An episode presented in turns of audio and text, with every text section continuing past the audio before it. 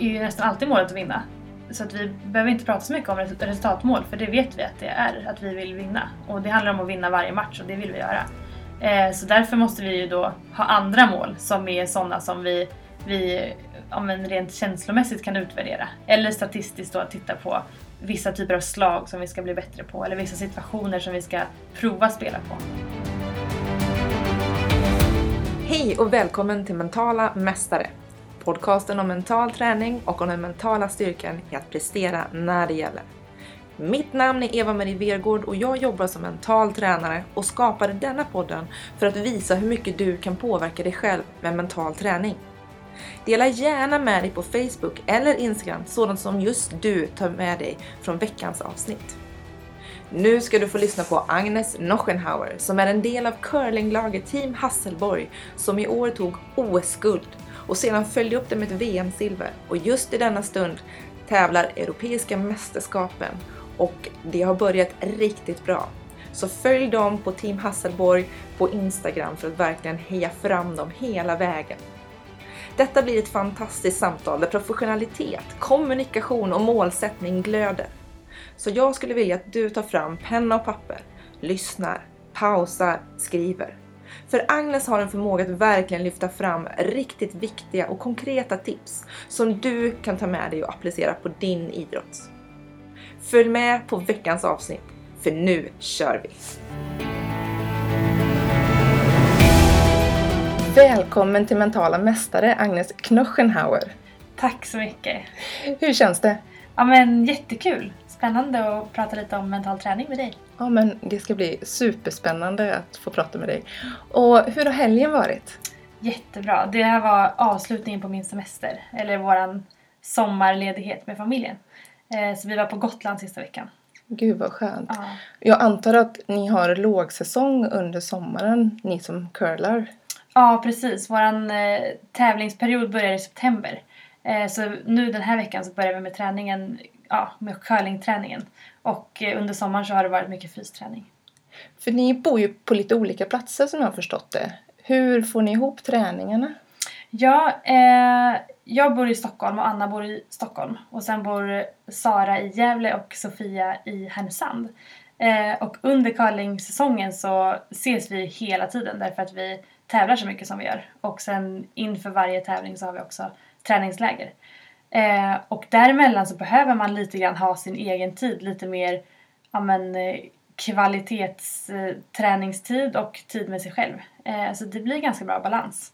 Sen kan ju hoppet bli ganska stort nu under sommaren när man, när man inte ses. Men vi har haft lite läger och sådär. Hur ofta tävlar man? Eh, oj, vi, Eller hur ofta tävlar ni? vi tävlar hela tiden. Nej men eh, förra säsongen som var en ganska intensiv säsong för oss, då var vi egentligen borta och tävlade två veckor, hemma två veckor eller borta två veckor. Eh, nästan hela säsongen.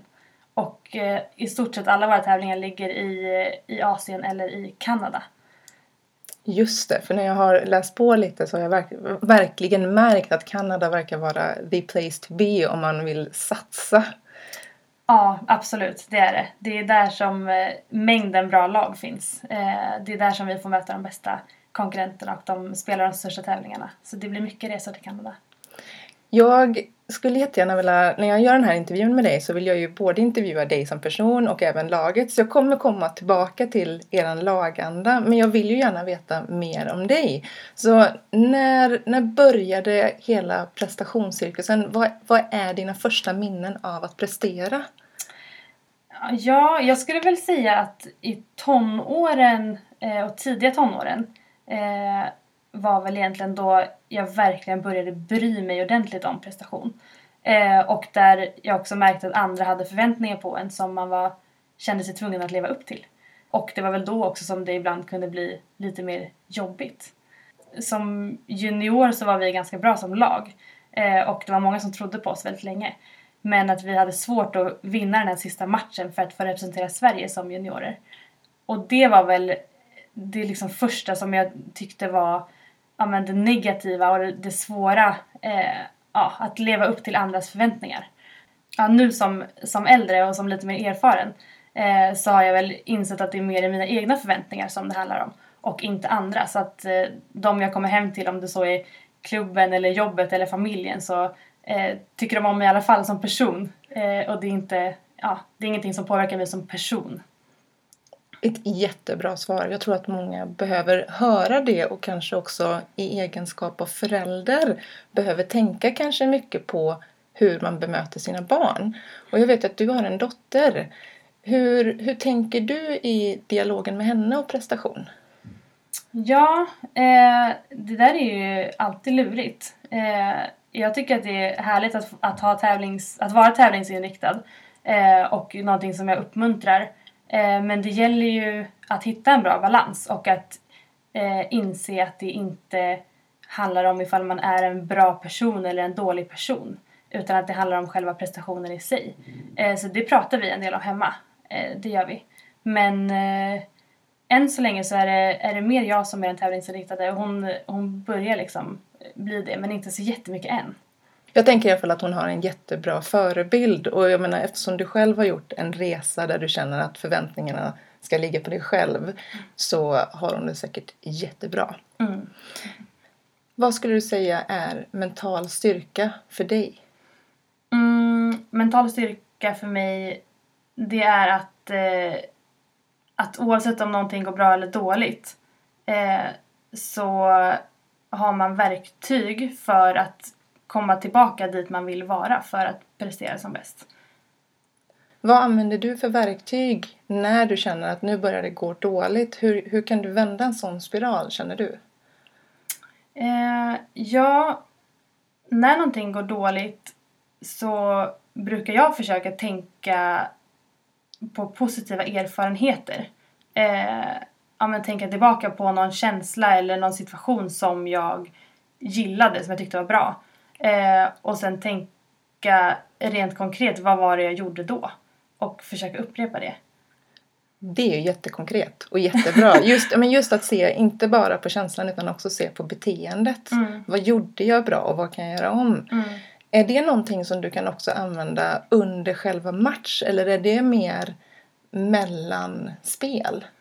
Eh, det här är någonting jag använder hela tiden. Och eh, det är någonting som vi pratar väldigt mycket om i laget. Framförallt sista året när vi har eh, haft lite mer press på oss än vad vi tidigare haft. Framförallt från oss själva då.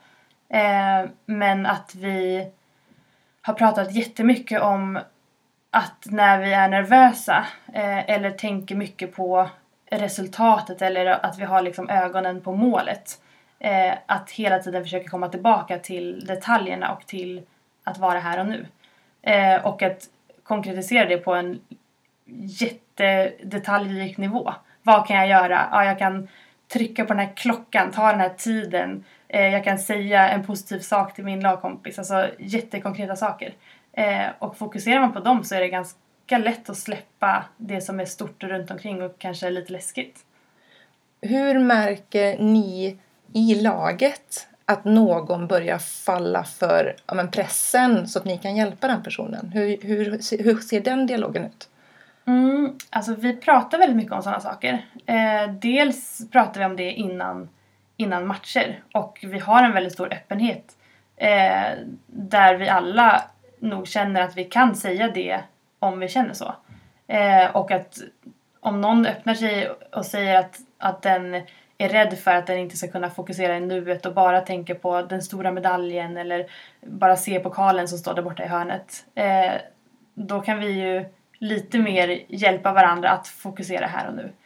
Eh, och under match då har man ju mycket fokus på sig själv. Eh, men vi känner varandra ganska bra så man man känner ofta av om det är någonting och eh, vi alla brukar också säga till om det, om det är så här, nu är jag supernervös och så försöker vi bara vända det till någonting positivt. Det är bra att vara nervös. Vi, vi är ju väldigt bra när vi är nervösa. Eh, och det, ja, det har vi fått kvitto på eh, och då kan man vara trygg i det också. När du, när du beskriver de här konkreta sakerna och de här konkreta detaljerna, är det saker som ni har skrivit upp eller är det saker som ni bara pratat om? Eller hur vet du att just att trycka på klockan är en, en bra sak att göra? Eh, alltså vi har pratat mycket om det och vi precis innan jul när vi skulle förbereda oss inför OS rent konkret, liksom sista förberedelserna, då, då skrev vi upp i vårt så kallade strategidokument eh, några konkreta saker som, man, som vi kan göra. Eh, och det, det har nog ändå hjälpt oss väldigt mycket för att kunna ja, påminna oss själva om vad, ja, att hur man stannar i, i nuet. Och framförallt i en OS-final när det verkligen kan bli stort tryck och så vidare så kan jag tänka mig att då är det en, en, också en trygghet att man har skrivit någonting och verkligen sett det. Mm, absolut. Varifrån skulle du säga att din mentala styrka kommer ifrån? Oj. Ja, men jag skulle nog säga att den kommer från curlingen. Eh, och att den kom någonstans i liksom 19-20 års åldern. Eh, att jag eh, har liksom skapat mig ett stort självförtroende genom curlingen och känna att, jag, att det här är jag väldigt bra på. Eh, och eh, framförallt att det har lärt mig att, att jobba med ja, jobba rent mentalt med mig själv även utanför curlingen då. Eh, och att känna styrka i att ta upp saker och prata om saker om de är svåra. Och det gäller inte bara då på, på banan eller med laget utan även liksom i arbetssituationer eller med familjen eller så. Hur såg processen ut att komma dit? För det, det är en ganska lång process att verkligen känna att, ja, att ha den tryggheten också att kunna prata med de närmaste. Mm. Eh, ja, jag tror lite att, eh, att det är någonting som har utvecklat sig med tiden i de lagen som jag varit i. Eh, och att det är någonting konkret som vi har sett att det här behöver vi göra för att vi ska bli bättre. Eh, vi behöver kunna prata med varandra och eh, vi behöver kunna hjälpa varandra att jobba upp den här styrkan. Ehm, så lite grann i, liksom i takt med att vi har blivit bättre på, på curling eh, så har väl det här kommit. Det, vi har inte haft någon mental tränare som har jobbat med de här sakerna med oss men det har, har mer kommit från oss själva skulle jag säga. Jag brukar alltid säga det när jag själv har föreläsningar i mental träning att den bästa mentala träningen de jag föreläser för är att gå hem och starta en studiecirkel med sin träningsgrupp. Mm. Och bara sitta och prata om precis det som ni har pratat om. Mm. Alltså vad är det som gör mig nervös? Hur kan vi göra detta bättre? Mm. För att bara sitta och prata med någon gör mental träning mer konkret än att bara sitta själv och kanske läsa en bok. Mm. Så att antingen en mental tränare eller att faktiskt liksom i laget. Så jag tycker ni har gjort en fantastisk resa på det sättet också. Innan jag går in i lagbiten så mm. vill jag bara höra hur laddar du upp inför en tävling? Och då tänker jag både kvällen innan och liksom innan match. Mm. Alltså för mig, för att känna mig redo för att prestera, då vill jag känna att jag eh, att jag liksom har balans i min tillvaro. Att eh, amen, eh, jag åker hemifrån och min eh, lägenheten är städad. Eh, min dotter och min sambo har det bra. Eh, och eh, jag kan liksom känna, känna ro i att åka bort. Eh, det är väl dels en förberedelsegrej som är viktig för mig. Och sen vill jag också ha ett, ett kvitto på att jag har, har sovit bra, att jag har ätit bra. Eh, rent sådana basala saker. Eh, och sen gillar jag bara kvällen innan och bara zona ut, ligga och kolla på någon, någon serie som inte betyder någonting eh, och bara inte tänka så mycket på själva prestationen. Eh, och sen morgonen inför en prestation så vill jag ju vara supertight med mina lagkompisar. Eh, och där kanske prata om ifall man är nervös eller eh, vad är det vi ska göra liksom. Eh, och det är väldigt viktigt. En tävlingsdag, är det flera matcher eller är det liksom en match per dag? Eller hur ser det ut? Oftast är det flera matcher. Det kan variera. Under till exempel OS, som ju då är väldigt sällan, så var det två matcher per dag varannan dag. Och varannan dag var det en match. Men eh, om vi åker på ett VM så är det mer intensivt. Då är det två matcher per dag. Och eh, vissa världscuptävlingar kan det ibland till och med vara tre. Så då gäller det att vara ganska snabb med att liksom ja, komma tillbaka, återhämta sig lite snabbt, prata igenom vad som gick bra, vad som gick mindre bra eh, och vad vi behöver göra bättre i nästa. Så ni har en analys efter varje match för att verkligen göra ett bokslut och sen gå in i nästa? Ja, vi har, vi har jättetydliga ramar för det. Eh, så vi har möten inför och efter match där vi liksom öppnar matchen och stänger matchen. Och däremellan så eh, har vi rent konkret, eller rent fysiskt så är vi mer med varandra. Och mellan våra, eh, när vi har stängt en match och inför nästa matchöppning så är man lite mer fri att göra vad man vill. Eh, och, eh, och däremellan, eh, ja, mellan öppning och stängning av match så är det ganska bestämt vad vi gör. Och det är väl just för att vi ska kunna på så kort tid ladda om inför en ny prestation. Eh, att vi, nu stänger vi den här och behöver någon smälta den en stund till, ja då gör man det. Men nu har vi, liksom, nu har vi stängt det och pratat klart om det. Vad gör du då mellan stängd match och nyöppen match? Ja, det beror på hur mycket tid jag har. Ja. Men ofta så är det ju äta, ta en liten powernap och sen är det på igen. Åh vad jag tycker det var... jag, jag är sån här, jag sover så fort jag får chansen när jag tävlar. Så att Ja. det, mm. Ja, nej men samma här. Det blir oftast en liten lur mellan varje match. brukar vara bra för att rensa skallen.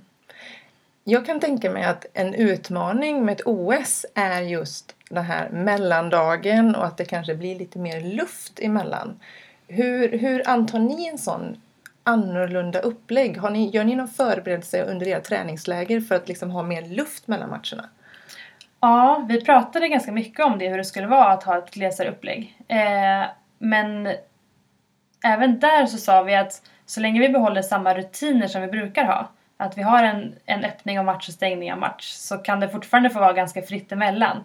Även om vi, vi rent fysiskt kanske inte ville att någon skulle dra iväg till bergsbyn och någon skulle åka ner till stan, utan att vi ändå skulle ha koll på vad de andra gör. Eh, och att man hela tiden pilar av, är det okej om jag gör det här nu? Eh, så att det känns som att alla är säkra på att vi är där vi vill vara.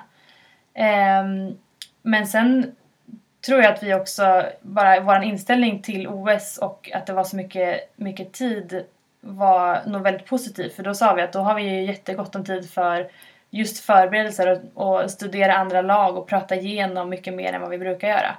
Ehm, så det, var, det passade oss väldigt bra. Hur mycket tid lägger man på att studera andras lag? Eh, för oss är det ganska nytt och vi ligger i framkant i, inom curlingen att göra det. Och det är någonting som, som kommer jättemycket nu, att det handlar mycket om att studera andras taktiker och vad de är, är bra i, vad de är bra i för situationer och hur man ska bemöta det. Eh, och det här jobbade vi jättemycket med kring OS och är också en av de nycklarna till varför vi vann, tycker vi. Eh, men nu ska ju vi jobba vidare med det här när andra kommer ikapp så vi ska ju fortsätta ligga här i framkant i tanken. Men eh, ja, mer och mer jobbar man med att studera andra lag. Hur mycket studerar ni er egen teknik? Eh, teknik studerar vi en del. Eh, vi tittar på våra egna gamla filmer, eh, gamla matcher och ser hur, hur vi jobbar. Men sen studerar vi mycket taktik. Och, eh, och det är väl framförallt det som vi studerar andra lag i också. Därför att eh, ja, det finns mycket olika strategiska val man kan göra i, i curling och hur man, hur man ska bemöta det på bästa sätt beroende på vad det är för matchsituation. Jag vill komma med ett litet tips. Mm. Inte kanske direkt till dig utan men till de som lyssnar. När jag läste på Stockholms universitet så pratade jag med Johan Plate. Och han hade studerat någonting som han kallar cybervision. Där man filmar sig själv göra det perfekta utförandet. Och sedan när man själv ska göra utförandet så tittar man på den filmen där man utför det den taktiken eller den, det sättet man vill göra det på, på Mm. bästa sätt. Och då kommer du hamna i ett bättre mode och förmodligen prestera bättre. Så det han hade gjort var att titta på utförsåkare. Så han hade filmat utförsåkare un- under en hel dag. och Inga konstigheter med det. Sen dag två så fick halva gruppen titta på sig själva utföra de som han hade valt ut av de bästa prestationerna som han hade filmat och den andra gruppen fick liksom inte göra det. Mm. Det han såg var att den gruppen som hade fått se sig själv prestera sitt bästa, de ökade signifikant sina tider och sin teknik nerför banan. Okej. Och jag, tyckte, jag, jag märker själv i min idrott, agility då, där man att om man ser sig själv utföra någonting då har man lättare att hitta tillbaka till den tekniken i kroppen Mm. på något sätt. Så jag brukar alltid uppmuntra folk att filma sig själva, kanske till och med klippa ihop the best version of yourself och kolla på den inför nästa Ja. lopp om man säger så. Ah, jag förstår. Men det är ju lite så ni också jobbar när ni kollar er själva på Ja, absolut. Och det är ju väldigt lätt att vara kritisk eh, mot sig själv. Och det kanske är smart att klippa ut de bästa delarna där. Men det skulle vara spännande att se hur, hur det skulle kunna ge. Men det var bara att jag, jag fick en sån tanke och så bara Ah. åh, jag gillar, jag gillar tänket för det funkar väldigt bra i min idrott om man säger så. ja, men absolut. Nej, men vi, vi har ju några favoritmatcher som lag och jag personligen har några favoritmatcher där jag är väldigt nöjd med min prestation. Inte bara spelmässigt utan hur jag bidrar till laget för att få de andra att prestera också. Eh, och det är sådana matcher som man gärna tittar på ibland och har som målbild inför kommande matcher. Jättehäftigt. Det, det är verkligen den där grejen. Mm. Okej, laget. För jag har ju då alltså studerat era filmer och det är ju verkligen professionalitet ut i fingerspetsarna. Kan inte du berätta, ni skapade det här laget för tre år sedan. Mm. Berätta historien. Ja, eh, jag var ju då på OS 2014 i Sochi som reserv. Eh, och då spelade jag i, med Anna Hasselborg och sen med två andra tjejer i mitt ordinarie lag. Eh, men på OS så var jag som reserv med lag Sigfridsson. Och eh, när jag var där så fick jag någon slags uppenbarelse om att wow, alla här, alla här är så mycket mer förberedda än vad mitt eget lag är. Alltså mitt eget hemmalag. Eh, och eh, har kommit mycket längre än vad, jag, än vad vi hade.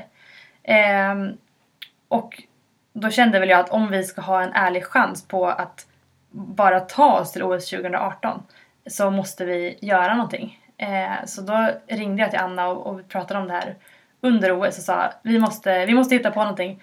Eh, vad, vad det nu må vara. Men eh, vi är inte där vi borde vara om vi ska vara här 2018. Eh, och där såddes väl på något vis ett frö om att eh, antingen göra någon typ av eh, nysatsning i det laget vi var eller eh, att bryta upp och starta ett nytt lag. Och vi tog ett snack med vårt, vårt gamla lag och gav det en, en rejäl chans eh, en säsong till efter det OSet. Och eh, hade gjort bättre resultat. Men eh, sen öppnades det en möjlighet att börja spela med Sara och Sofia. Eh, som vi inte var sena med att ta. Därför att vi kände att om vi ska, om vi ska nå dit så är det här det snabbaste och bästa sättet. Och det var ju en chansning. Då var vi inte med i landslagstruppen. Eh, så att första året så fick vi inte representera Sverige i EM och VM så vi kunde inte tävla om det. Eh, men däremot var vårt största mål att ta oss in i landslagstruppen och att eh, därifrån under den korta tid som var kvar till OS eh, ta oss och upp och bli Sveriges bästa lag. Men inte bara det, vi ville ju också ha chans på medalj. Så att vi vill ju upp och bli ett av världens bästa lag. Eh, och det är ju en ganska, ganska saftig satsning och det var många som inte trodde på oss. Eh, men det gjorde vi och eh, här, här är vi nu. Alltså det, för mig utifrån när jag ser så är det verkligen ett dream team ni har skapat. Och ni har skapat den från en ganska häftig grund tycker jag. Just med tanke på att ja, men, vi har de här målsättningarna. Mm. Hur gick snacket i början när ni sätter upp de här målsättningarna? Var det liksom att ni pratade bara vi vill bli bäst i världen, punkt. Hur tar vi oss dit? Eller hur, hur gick snacket? Ja, eh, först Alltså det som för oss samman var ju egentligen vårt gemensamma mål att vi ville ta oss till OS 2018 och var beredda att göra jobbet. Eh, och sen var vi tvungna att sätta upp, eh, konkretisera då egentligen vad det jobbet skulle innebära och vad det var för någonting. Eh, och egentligen så använde vi första halvan av den första säsongen till att bara ja, men, lära känna varandra och klämma och känna och vilka roller har vi och eh, vem, är, vem är bra på det här i laget och vem är, vem är bättre på det här. Eh, men sen när vi kom framåt jul, när vi hade spelat ihop i tre månader ungefär, då eh, kände vi att för att vi verkligen ska ha möjlighet att, eh, att lyckas med våra extremt högt uppsatta mål så måste vi konkretisera jättemånga saker. Så då ägnade vi ett antal dagar åt att göra en strategiplan. Att liksom sätta upp mål och delmål och vad behöver vi göra? Eh, vad behöver vi bevaka motståndarna med?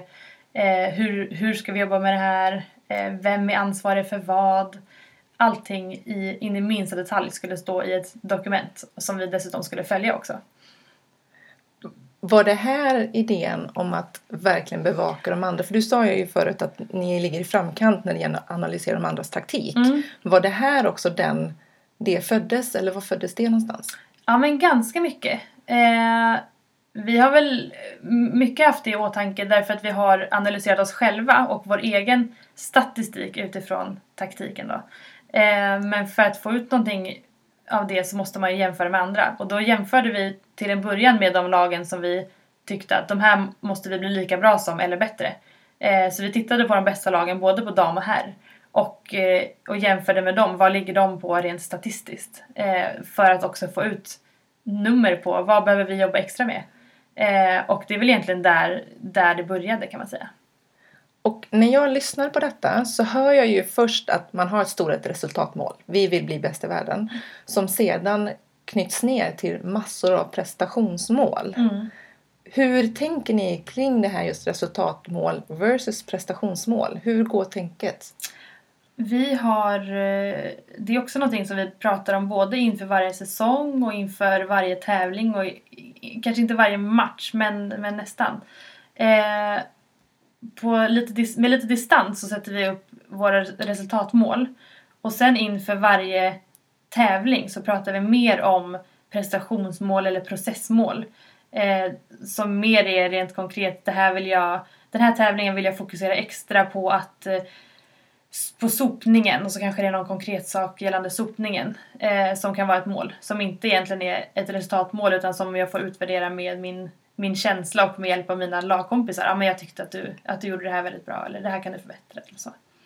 Så när ni gör den här öppningen, Mm. är det mest prestation och processmål i när ni öppnar upp kapitlet? Ja, det är ju verkligen den största delen. För vi brukar öppna upp en turnering med att säga, eller prata om vad vi har för mål. Ja, målet är att komma topp tre eller målet är att vinna. Eh, men nu är ju nästan alltid målet att vinna. Så att vi behöver inte prata så mycket om resultatmål för det vet vi att det är, att vi vill vinna. Och det handlar om att vinna varje match och det vill vi göra.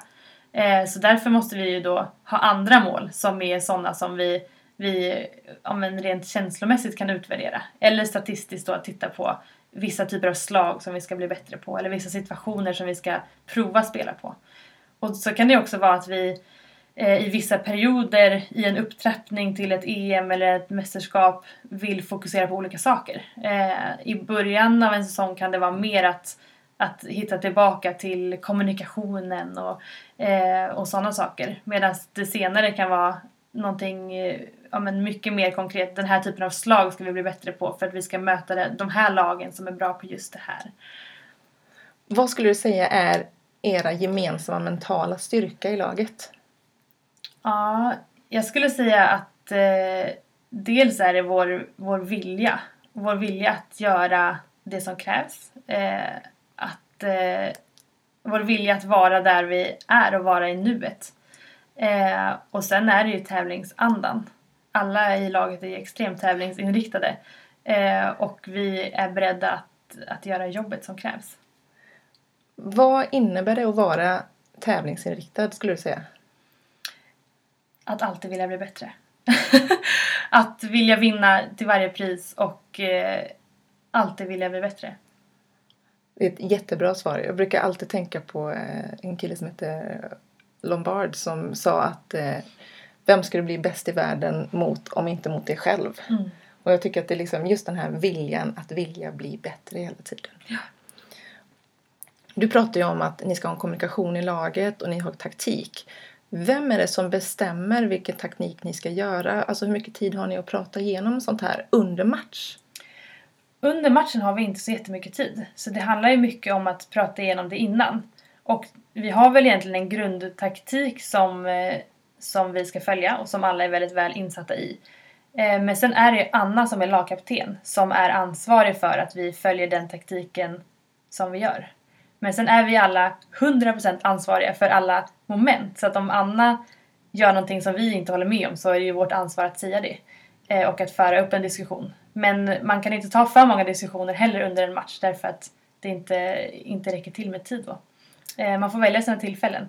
Men eh, ja, vi har en ganska utarbetad gameplan och, eh, och pratar igenom hur vi ska möta just varje motståndare inför just den matchen. Och då kommer vi in på hur lyckas ni hålla sams? Ja, det gör vi. vi eh, det är väldigt sällan vi inte håller sams. Eh, Vi är bra på att lyfta upp saker om det är någonting. Och eh, det, det var en sak som vi sa när vi satte ihop laget att vi sätter ihop det här rent professionellt för att vi tycker att vi är de bästa spelarna med den största potentialen att, att lyckas med det vi vill. Eh, och blir vi vänner så är det en bonus men det är inte det som är huvudmålet. Men nu är vi här och vi är ju bästa vänner alla vi fyra. Det kan man ändå säga. Jag kan ju verkligen rekommendera er att eh, googla de här filmerna som ni har skapat för det är verkligen det är motivation Och det är just den här professionaliteten som jag tycker är väldigt inspirerande. Att verkligen gå in i ett lag och känna att vi ska göra detta på ett eh, sånt här sätt. Just när det är ett sånt litet lag också. Det, handlar inte om ett eh, fotbollslandslag utan det är liksom ett litet lag som verkligen lever ihop på det mm. länge. Ja, precis. Hur gör ni för att bibehålla balansen mellan det här, den här passionen och drivet som ni har och pressen utifrån och inifrån så att det inte blir en prestationsångest? Ja, det är ju en, det är alltid svårt. Eh, och det här är också någonting som vi pratar ganska mycket om. Eh, framförallt nu kring OS så var ju det en stor del av förberedelserna att prata om pressen.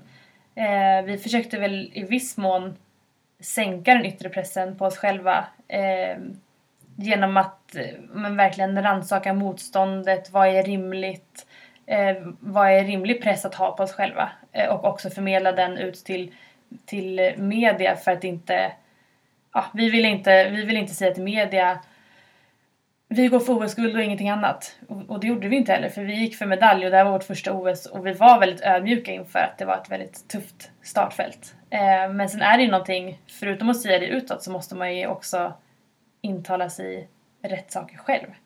Eh, ja, det är väldigt lurigt. Hur går tankarna inför nästa mästerskap? Ja, först och främst så ska vi bli uttagna till nästa mästerskap och det sker nu i oktober. Eh, och det är EM som går i, i november.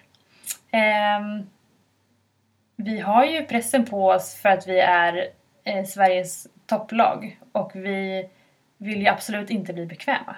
Det, är ju vår, eh, det kanske är vår största farhåga, att, att vi skulle bli bekväma. Men det är ju nog också det som gör att vi inte blir det tror jag, eh, för att vi är väldigt medvetna om det. Ehm, men eh, vi kommer ju gå för att ta oss till, till ett EM och där så kommer vi gå för ett guld. För vi har två EM-silver i bagaget och har inget guld.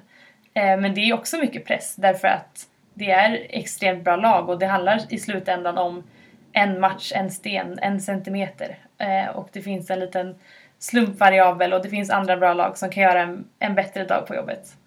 Och det måste man, man vara medveten om också. En sak som jag skulle vilja fånga upp i det som du säger, det är just det här att inte bli bekväm. För många pratar ju om det här att, eh, att lära sig förlora och att hantera misslyckanden. Jag tycker också att man behöver lära sig att vinna och kunna ladda om. Just som du säger att bara för att man har vunnit så kan man inte luta sig tillbaka utan man behöver fortsätta kämpa. Och ni tog ju ett VM-silver strax efter OS-guldet. Mm. Hur, vilket jag tycker är imponerande att kunna ladda om så. Hur såg den omladdningen ut för att just inte bli bekväma? Ja, det var också någonting vi pratade mycket om att, eh, att inte tro att någonting skulle komma av sig själv bara för att vi hade mycket bra spel i kroppen. Eh, men sen så hade vi också ett väldigt starkt, starkt självförtroende därför att vi kom med ett kvitto på att vi, vi vet att vi är som bäst när det gäller. Och vi hade ingen VM-medalj Eh, så vi skapade en, trots att vi var ganska utpumpade, så skapade vi en väldigt stor viktighetskänsla i, eh, i att ta en VM-medalj och att också våga gå för ett guld. Eh, men vi var extremt trötta, det ska jag erkänna. Det, det är nog absolut den eh, tuffaste tävlingen eh, by far för, för laget. Både ja, för mig individuellt men också för alla, alla i laget. Vi var jättetrötta. Jag kan tänka mig all medial uppmärksamhet och hela den biten så blir det ju väldigt mycket. Ja, precis. I en av intervjuerna som jag har lyssnat på så pratar ni om att ni har mött en hel del motstånd på vägen till det här oskuldet. Vad, vad har det varit för motstånd ni har mött?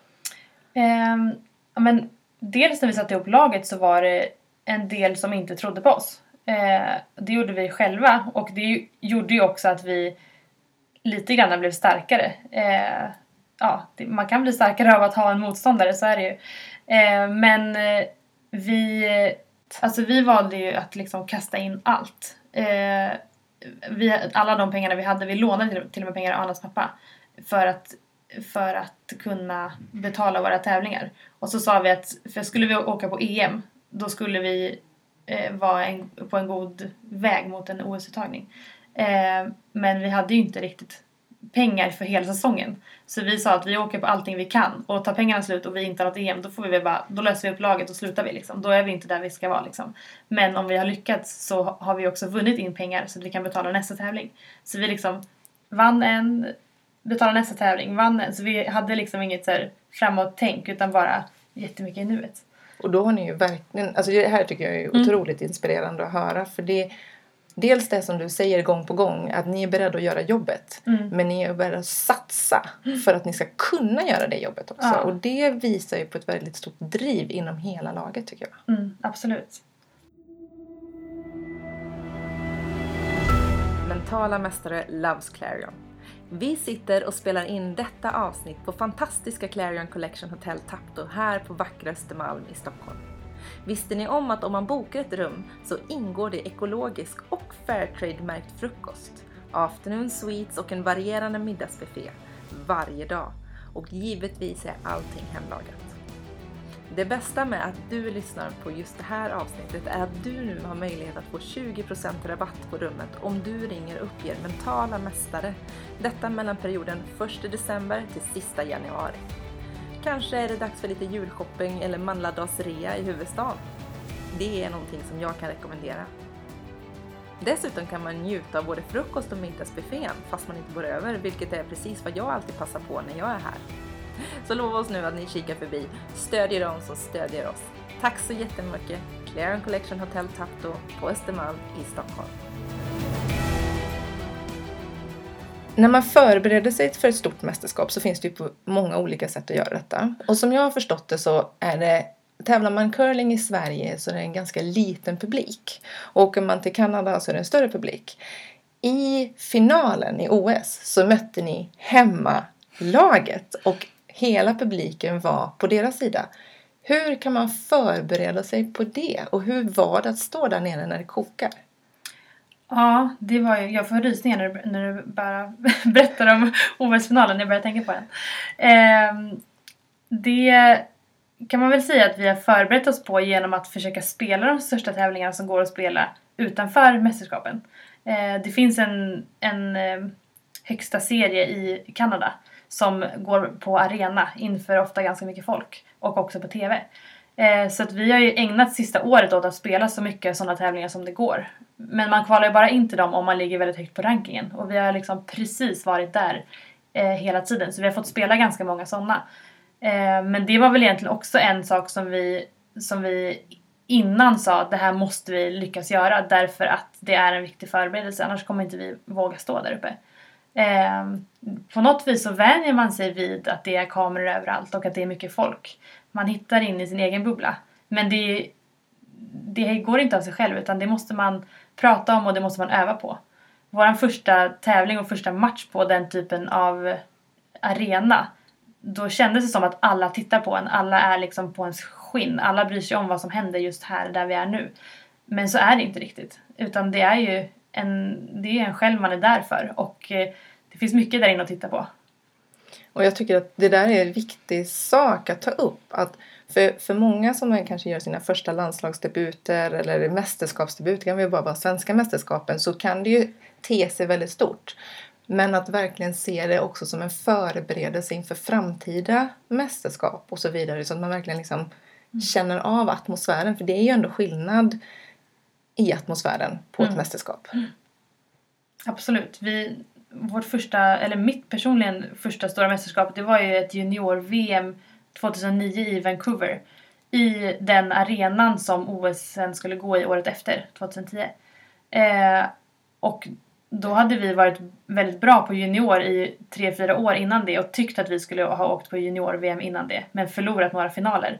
Så vi hade aldrig varit på ett sånt eh, mästerskap. Och det var ju väldigt stort för oss då. Eh, och när vi kom dit så trodde ju vi att vi skulle vara bättre än vad vi var. Så vi var inte alls förberedda på hur stort det skulle kännas att vara där ute. Eh, och det var ju supersvårt och vi var jättemissnöjda med vår prestation. Eh, men det är förmodligen också den erfarenheten som gjorde att vi året efter, 2010, lyckades vinna junior-VM-guld.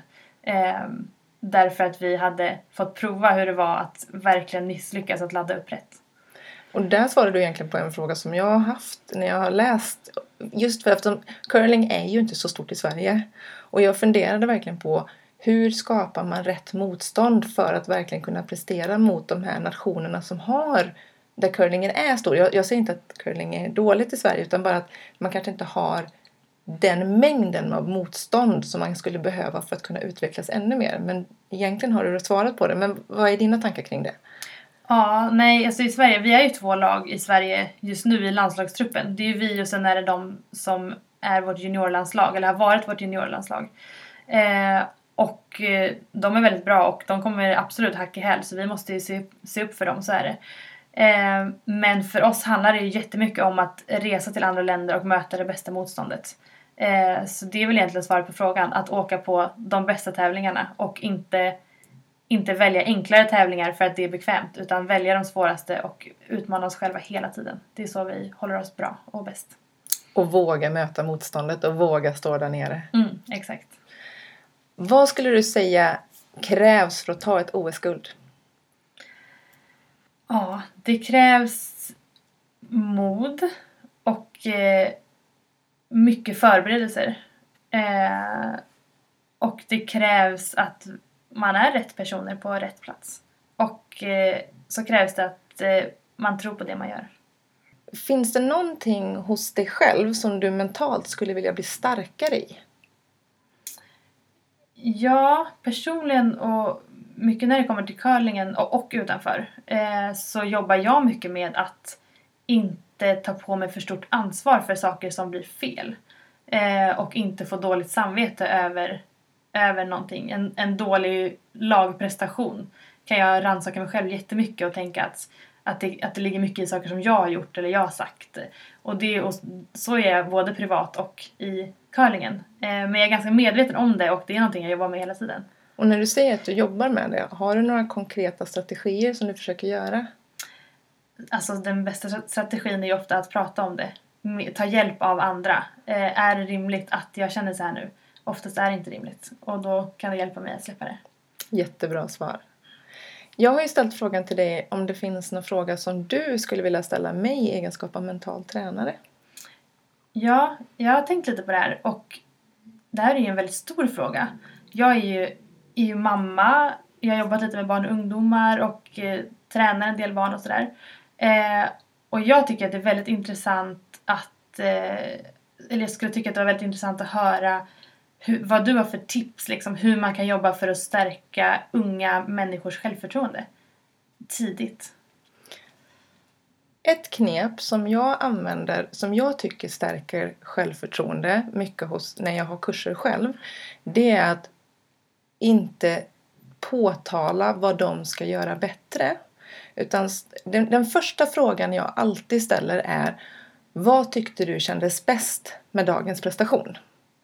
För, och, och nu jobbar jag väldigt mycket med kanske tonåringar och äldre så inte så mycket barn om man säger sådär. Men många gånger när jag träffar barn eller tonåringar så är, då blir de väldigt chockade över det. Den frågan. För de blir sådär, jaha ska du inte tala om varför den här svängen ska bli snävare eller varför jag, inte, varför jag, varför jag stod fel eller varför hunden rev eller det kan vara. Utan att då behöva säga, vad gjorde jag bäst idag? Eller vad kändes bäst idag? Eller vad jag är mest nöjd med? För på något sätt, då får jag dem att börja tänka på vad är det jag gör bra. Eh, och oftast i det långa loppet så behöver inte jag säga till dem att det där var dåligt. Alltså, nu, nu pratar vi ju också om kanske inte nyinlärning utan någonting som, som ändå kommer ganska naturligt.